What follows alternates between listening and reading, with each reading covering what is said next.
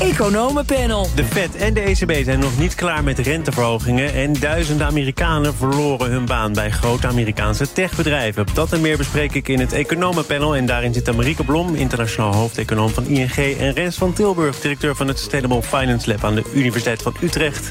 Welkom. Goedemiddag. Goedemiddag. Laten we maar eens beginnen bij die centrale bankiers. Want de ECB en de, rente, en de, e en de Fed pardon, hebben de rente weer verhoogd... en ze geven ook nog eens aan daar niet mee klaar te zijn. Ondertussen daalt de inflatie wel Rent is niet iets om meteen van je stoel te vallen?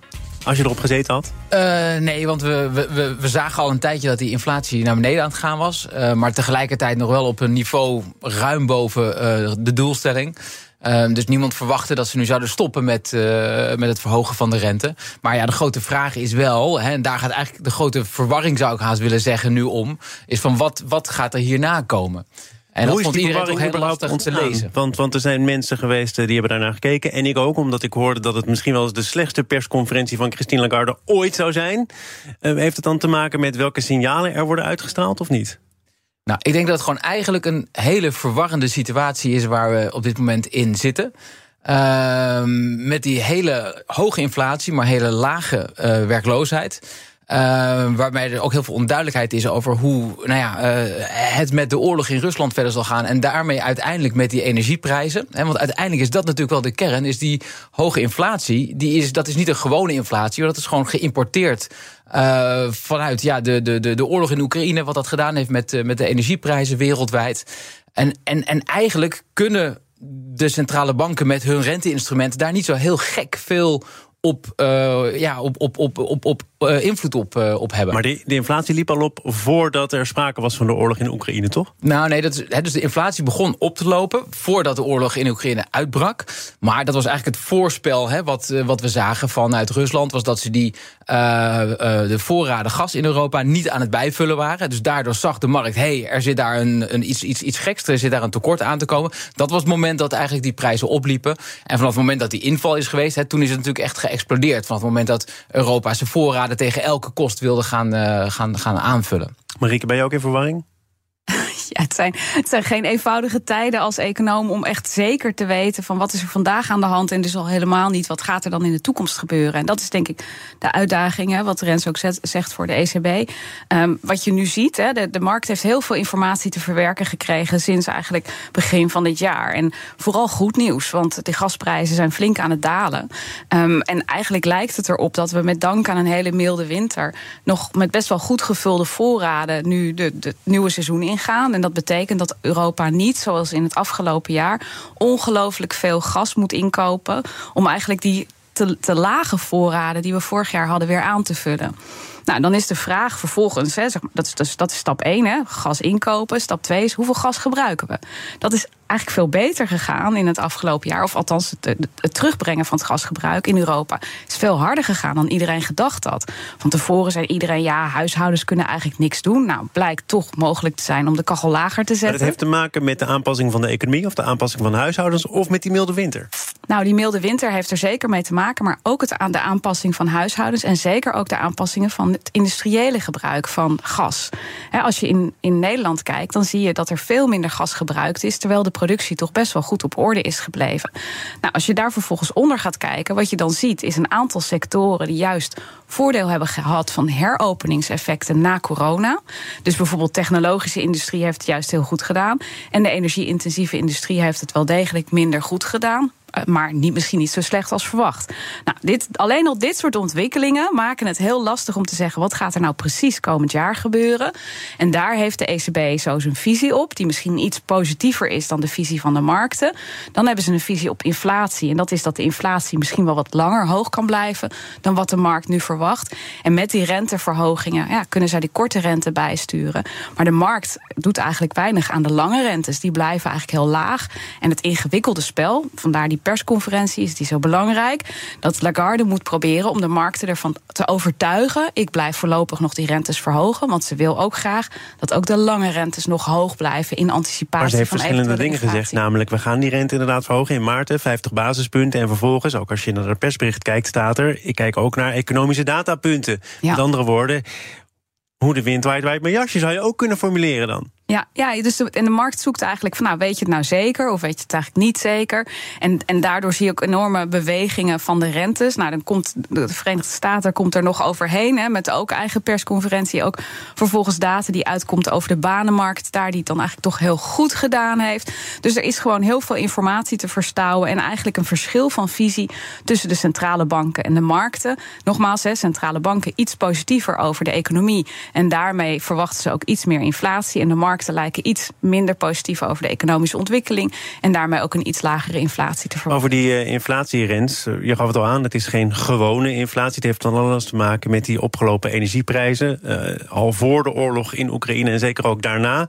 de, de term climateflation is al gemunt door Isabel Schnabel. Je hebt er ook een, een artikel aangeweid vorig jaar al in de zomer, net voordat de ECB in Amsterdam bij elkaar zou komen. Omdat de ECB naar jouw inzicht ook iets zou moeten doen met climateflation. Wat dan? Ja, ja, en het is zelfs nog ietsje ingewikkelder. Het, wat, nog wat, wat we nu zien, dat is de fossilflation, de oh. fossieleflatie. Hè, dat is dus de prijsstijging van dat we nog zoveel fossiele uh, energie gebruiken.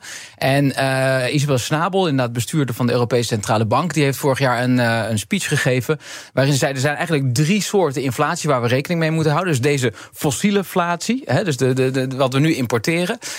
daarnaast heb je inderdaad de, de climateflation. Ehm, dat is dat de prijzen ook kunnen gaan stijgen door klimaatverandering zelf. Uh, bijvoorbeeld een hele hete zomer, waardoor uh, er geen water meer in, de, in, in, de rivieren zit, de transportprijzen omhoog gaan. He, dat, nou, dat is die climate inflation. Die hebben we afgelopen zomer natuurlijk ook flink gezien hier in, in Europa. En dan is nog de derde, dat is eigenlijk de transitieflatie. dat, is, dat is dat de prijzen omhoog gaan, omdat we zoveel moeten investeren in die transitie. Daar nou, zoeken we nog een woord voor, merk ik. nou, nee, hij, hij is, maar in, in het Engels bekt het allemaal net even wat lekkerder dan, dan in het Nederlands.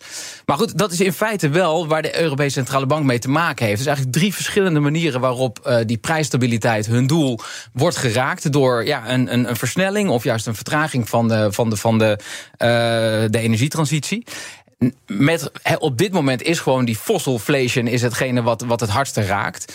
Um, en daarom is ook eigenlijk de, de manier om daar vanaf te komen... is door juist die transitie te versnellen. door sneller, minder afhankelijk te zijn van uh, die fossiele energie. En moet de ECB daar een rol in spelen? Want volgens mij kun je daar hele fundamentele discussies over voeren, toch? Ja, nou en op zich de afgelopen jaren hebben we daar hele fundamentele discussies over gevoerd. ook binnen de ECB. Uh, eh, daar is wel een hele duidelijke conclusie uitgekomen. Namelijk ja, wij hebben ons daar wat aan gelegen te laten liggen. Want het heeft gewoon invloed op die prijsstabiliteit. Uh, en daarnaast staat ook in het Europees verdrag dat uh, we als ECB het, uh, ja, het algemene economische beleid in de Unie moeten ondersteunen. Waar dat kan, zonder dat dat ten koste gaat van prijsstabiliteit. Nou, hier is eigenlijk juist een soort van win-win mogelijkheid voor de ECB. Door namelijk met instrumenten die transitie te versnellen zijn ze zowel de prijsstabiliteit nu aan het, uh, aan het verbeteren, als zeg maar die in de toekomst. En zijn ze dus ook het uh, beleid aan, uh, aan het ondersteunen. Nou, het instrument wat daar eigenlijk het meest voor de hand ligt om te gebruiken, dat is een instrument wat de ECB al heel grootschalig heeft ingezet de afgelopen jaren om de economie in zijn geheel te ondersteunen. Dat is de zogenaamde TELTRO. dat is een, een, een, een gerichte herfinancieringsoperatie richting de banken. Daar is ontzettend veel geld in omgegaan. Dat was juist om de, om de hele economie te stimuleren. Nou, dat is natuurlijk niet waar we nu zitten. Maar daar werd geen, geen kleur bekend, hè? Daar was alles evenveel waar, toch? Nou, dat, dus dat, die, die T van Teltro is van targeted. En dat is wel het bijzondere, is die banken kregen alleen maar dat geld... op het moment dat ze de uh, leningen aan de reële economie... dus aan uh, bedrijven, aan huishoudens... en daar werden dan de hypotheken buiten gehouden als ze die zouden uh, op peil houden. dus dat, dus, dus, dus dat, is, dat was wel inderdaad een centrale bank die zegt van jongens, we willen dat jullie dit gaan doen. Nou, en het, het alternatief wat nu wordt voorgesteld is om dat veel kleiner in te gaan zetten, maar dan nog veel gerichter, namelijk op groene investeringen, groene leningen. dus dan maak je die veel goedkoper. Ja, en dan uh, ben je op die manier dus die transitie aan het versnellen. En dan moet je het kunnen relateren aan prijsstabiliteit, want dat is uiteindelijk de doelstelling van de ECB. Ja, en, en omdat dus die fossilflation nu zo'n belangrijke drijver is van prijsstabiliteit, kun je het daaraan relateren. En nogmaals, als gezegd, in het Europese verdrag staat ook van als het niet ten koste gaat van je prijsstabiliteit, dan moet je ook gewoon het algemene beleid van de Europese Unie uh, ondersteunen. En, ja, en daar zijn allerlei hele ambitieuze klimaatdoelstellingen gesteld, die dus ook wel nu in gevaar komen, mede doordat die rente omhoog gaat. Want uh, uh, een, een, investering in duurzame energie heeft hele hoge kapitaalskosten, dus die wordt op dit moment heel hard geraakt door die stijgende rente. Dus dat dreigt op dit moment juist de transitie af te remmen, waar die juist versneld zou moeten worden. Moet je hier nog uh, gedachten aan wijden, Marieke, of staan we allemaal juichend op de banken? Um, nou, ik, ik, dit, het is, dit is eigenlijk een heel klein stukje van waar het over gaat als het over klimaatbeleid gaat. En, en um, dit gaat over de financieringskosten in, de, uh, in klimaatbeleid, in de energietransitie. Um, daar is de ECB in de afgelopen tijd, nou, dat, dat Rens van Tilburg net ook aangeeft, duidelijk veel actiever op geworden. Ik denk dat de kern van klimaatbeleid zit gewoon bij alle maatregelen waar we, waar we als economen allemaal echt voor op de banken staan. Namelijk voor het beprijzen van CO2-uitstoot. En dat is uiteindelijk, daarmee maak je het grootste verschil. Um, daarmee maak je het onaantrekkelijk om CO2 uit te stoten en relatief aantrekkelijk om gebruik te maken van hernieuwbare energie. En dat maakt het grootste verschil. Maar dat is ook een Europese uh, gedachte, toch? En niet alleen een gedachte. We hebben toch een uh, ETS-handelssysteem? Jazeker. Nou ja, kijk, het liefst los je dat natuurlijk zo wereldwijd mogelijk op. Hè. En, en uh, uiteindelijk is Europa hierin heel duidelijk een voorloper. Ook ten opzichte van de Verenigde Staten en van China. In het concretiseren en het omzetten daarvan. In gewoon ja, met beprijzing, met prikkels zorgen dat dit ook daadwerkelijk gebeurt. En ik denk dat daar het grote verschil gemaakt gaat worden. ik denk dat die financieringskosten nogmaals een klein onderdeel daarvan zijn. Um, en ja, die het wel iets makkelijker kunnen maken. Dat, dat, dat het iets goedkoper wordt. Maar, het, maar een business case die niet rond gerekend kan worden. Omdat gewoon een fossiele concurrent nog steeds veel te duur en veel te aantrekkelijk is. Ja, de kans dat dat opeens wel gebeurt omdat de financieringskosten wat lager zijn, die is gewoon niet zo groot. Rens? Ja. Is het zo klein als hier aan de andere kant van de tafel wordt gezegd? Ja, nou, misschien wordt het iets te klein gemaakt nu. dus, dus, dus, er zijn vergelijkingen waar, je, waar, waar, waar, uh, waar onderzoekers hebben gekeken van hoe, met hoeveel gaan nou de totale kosten uh, stijgen van uh, duurzame energie versus de fossiele opties bij een bepaalde stijging van de rente. Um, en dan, dan zie je dat, die, dat dat echt enorm uit elkaar gaat lopen. Dus dat, dat, dat zijn wel echt flinke slagen. Dus er zijn gewoon projecten, heel simpel, die nu on hold gezet worden, omdat die rentekosten zo hard omhoog zijn gegaan. En dat wil je op dit moment niet hebben. tegelijkertijd, ik ben het helemaal uh, eens met Marieke... Dat, dat, dat het niet aan de Europese Centrale Bank is... om in zijn eentje uh, de, de hele energietransitie voor elkaar te gaan krijgen. Dus daarvoor is veel meer nodig. Maar het is dus wel aan een centrale bank. Ik geloof dat Powell een paar weken geleden heeft gezegd... de vet- en klimaatbeleid, nou, ik wil er best over nadenken... maar ik zie dat niet als mijn taak. Ja, nee, Amerika, maar Amerika is rondom klimaatbeleid op eigenlijk elk vlak. En dat gaat, geldt dus ook voor de centrale bank. Degene die ja, het hardst ach, uh, achterblijft. Hè, is ook ergens wel logisch. Want als je kijkt van waar wordt nou de meeste CO2 uitgestoten. dan, dan, dan knalt Amerika echt van alle uh, grafieken. Een pakket is aangekondigd door Biden. waar Europa nog naar adem hapt. Hè? Die Inflation Reduction Act heeft ja, maar, Nou, daar kunnen we het ook over hebben. Of, of, of, of dat, hoe, hoe groot dat is vergeleken met wat er in Europa eigenlijk ook al gebeurt. Ik denk dat dat vaak wordt overdreven. Uh, hè, maar ik denk dat dat wel degelijk. Hè, Joe Biden wel degelijk hele belangrijke stappen aan het zetten is in Amerika. Maar over het algemeen, als je kijkt, loopt Amerika enorm achterop uh, qua beleid. En dat verklaart zich ook wel omdat ze gewoon heel erg veel moeten doen. En dat, dat is gewoon ontzettend impopulair daar in, uh, in Amerika. We gaan het over uh, klimaat hebben en houden, maar dan in Nederlandse context. BNR Nieuwsradio. Zaken doen. Thomas van Zeil. De leden van het economenpanel zijn te gast. Marieke Blom en Rens van Tilburg. De Tweede Kamer sprak afgelopen donderdag over aanpassingen van de Klimaatwet. En daar ging het hoofdzakelijk over het wijzigen van de subsidies voor fossiele bedrijven. Minister Rob gaat een einde maken aan die fossiele subsidies. Dat zei hij in dat debat. Ja, voorzitter, er zijn voordelen voor fossiele energie. En over het bedrag en de definitie zijn allerlei discussies gaande. En afgesproken is om al die voordelen voor fossiele energie zo snel mogelijk af te bouwen. GroenLinks en de Partij van de Arbeid hebben zo hun eigen definitie van zo snel mogelijk. Namelijk vandaag nog, maar Jette voelt daar weinig voor. Soms kunnen we ook niet altijd meteen van fossiele voordelen af... vanwege Europese richtlijnen of internationale verdragen. Nou, Marieke, ik moet het hier in het economenpanel toch wel vragen. Hè? Bedragen die in eigen leven zijn geleide, definities waarover getwist wordt... 4,2 miljard, 17,5 miljard, 35 miljard... Waar gaat het nou precies over? Ja, nou eerst dan even de uitleg. Het, het bedrag wat genoemd wordt, dat gaat, tenminste waar het over gaat, is dat uh, bedrijven die energieintensief zijn, soms vrijgesteld zijn van belastingen. neem maar de accijnsen op kerosine bijvoorbeeld en op stookolie. Um, en soms lagere belastingtarieven dan wat huishoudens gerekend krijgen. Uh, huishoudens zijn natuurlijk kleinverbruikers, bijvoorbeeld van elektriciteit. En eigenlijk hoe meer elektriciteit je verbruikt, hoe minder energiebelasting je daarop betaalt.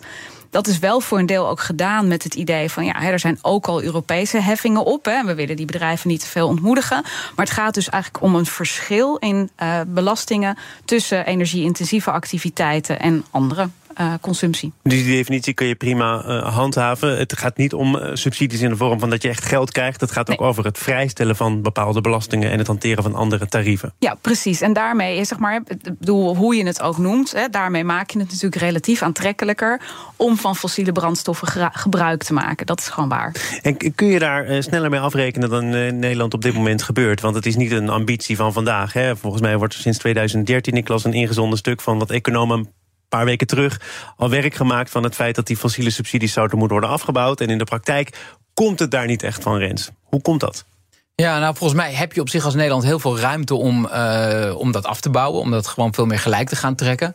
Um, maar um, ja, het zijn natuurlijk wel bedrijven die hier met allerlei hele grote fabrieken zitten. Um, en die zullen wel heel hard gaan roepen dat Nederland zich daar een hele onbetrouwbare overheid uh, dan, uh, dan betoont. Uh, dat hebben we al gedaan hè, op het katshuis zelfs vorige week. Nee, zeker. Hè. Dus, dus dat, over dat, voorstelbaarheid van overheidsbeleid. Ja, hè, dus dat gesprek dat, dat loopt daar. Uh, daarnaast heb je, uh, zit een, een, een, voor een groot deel zit het ook in uh, het niet belasten van kerosine voor vliegtuigen. de stookolie van, van, van, van de, de boten die in, in Rotterdam en nou, Amsterdam komen. Dat steeds meer onder dat Europese handelssysteem, toch? Dat gaat daar steeds meer onder vallen, maar, maar ook maar ten dele.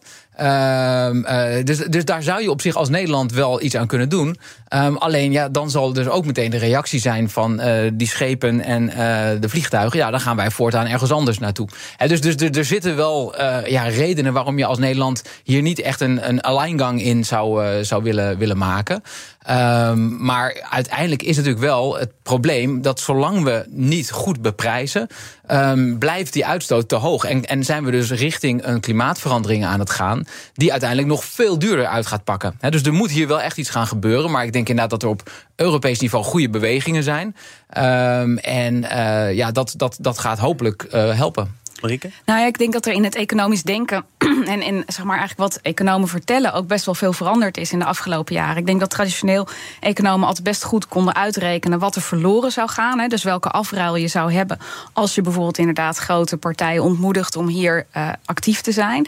Maar uh, wat je nu ziet is dat er ten eerste komt meer onderzoek over de kosten als het klimaat wel verandert. En uh, die kosten hebben bijvoorbeeld te maken met hè, de droogte werd zojuist genoemd, maar ook bijvoorbeeld hoe productief kunnen mensen zijn.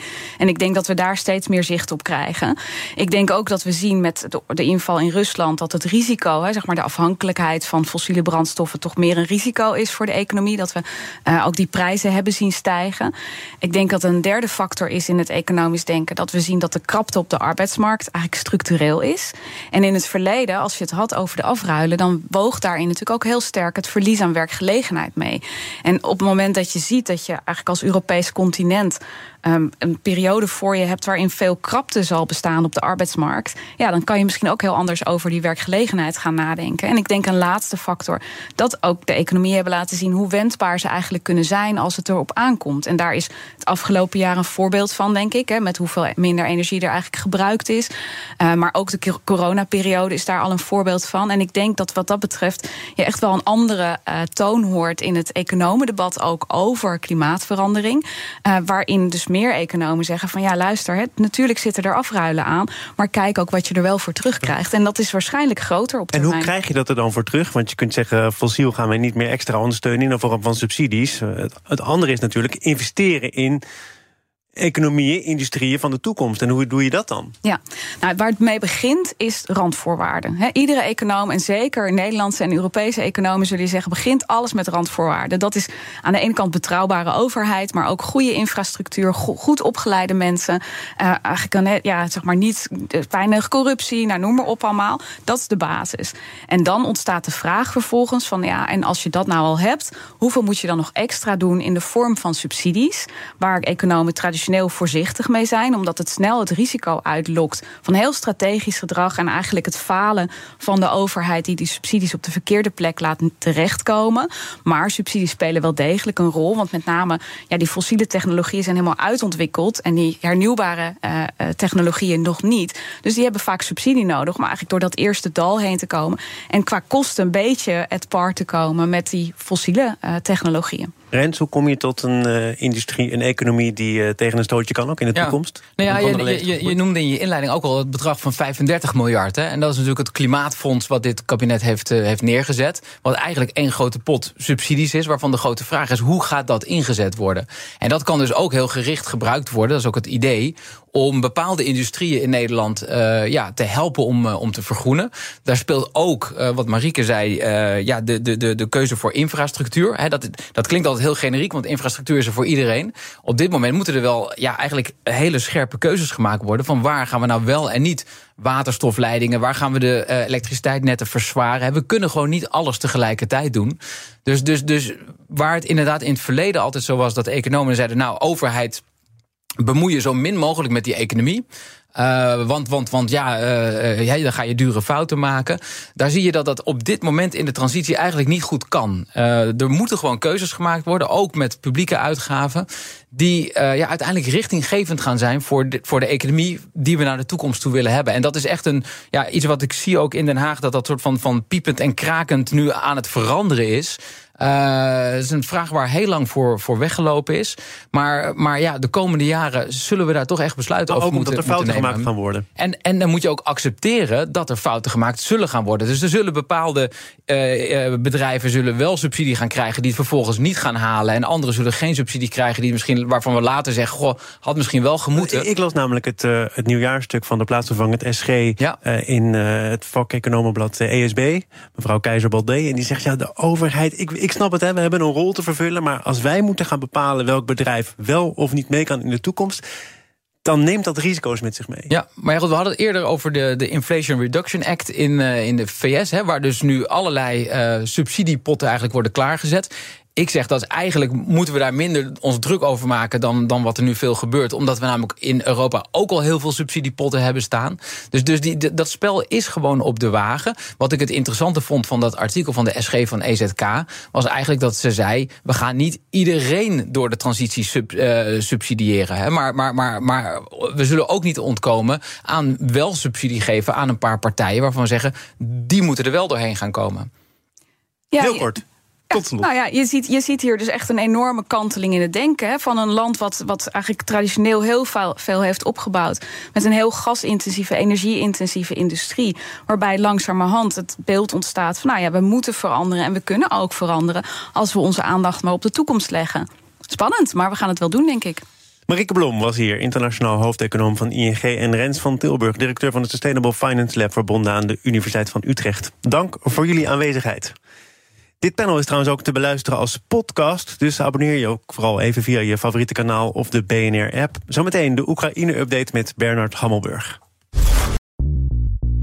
BNR ben je altijd als eerste op de hoogte van het laatste nieuws. Luister dagelijks live via internet. Jelle Maasbach. Wesley Weert. We zijn er voor je met het leukste, opvallendste, maar natuurlijk ook het belangrijkste nieuws. Tijdens de presentatie van die halfjaarcijfers toen die beurskoers in elkaar kukkelde. BNR Beurs. Voor de slimme belegger. Blijf scherp en mis niets.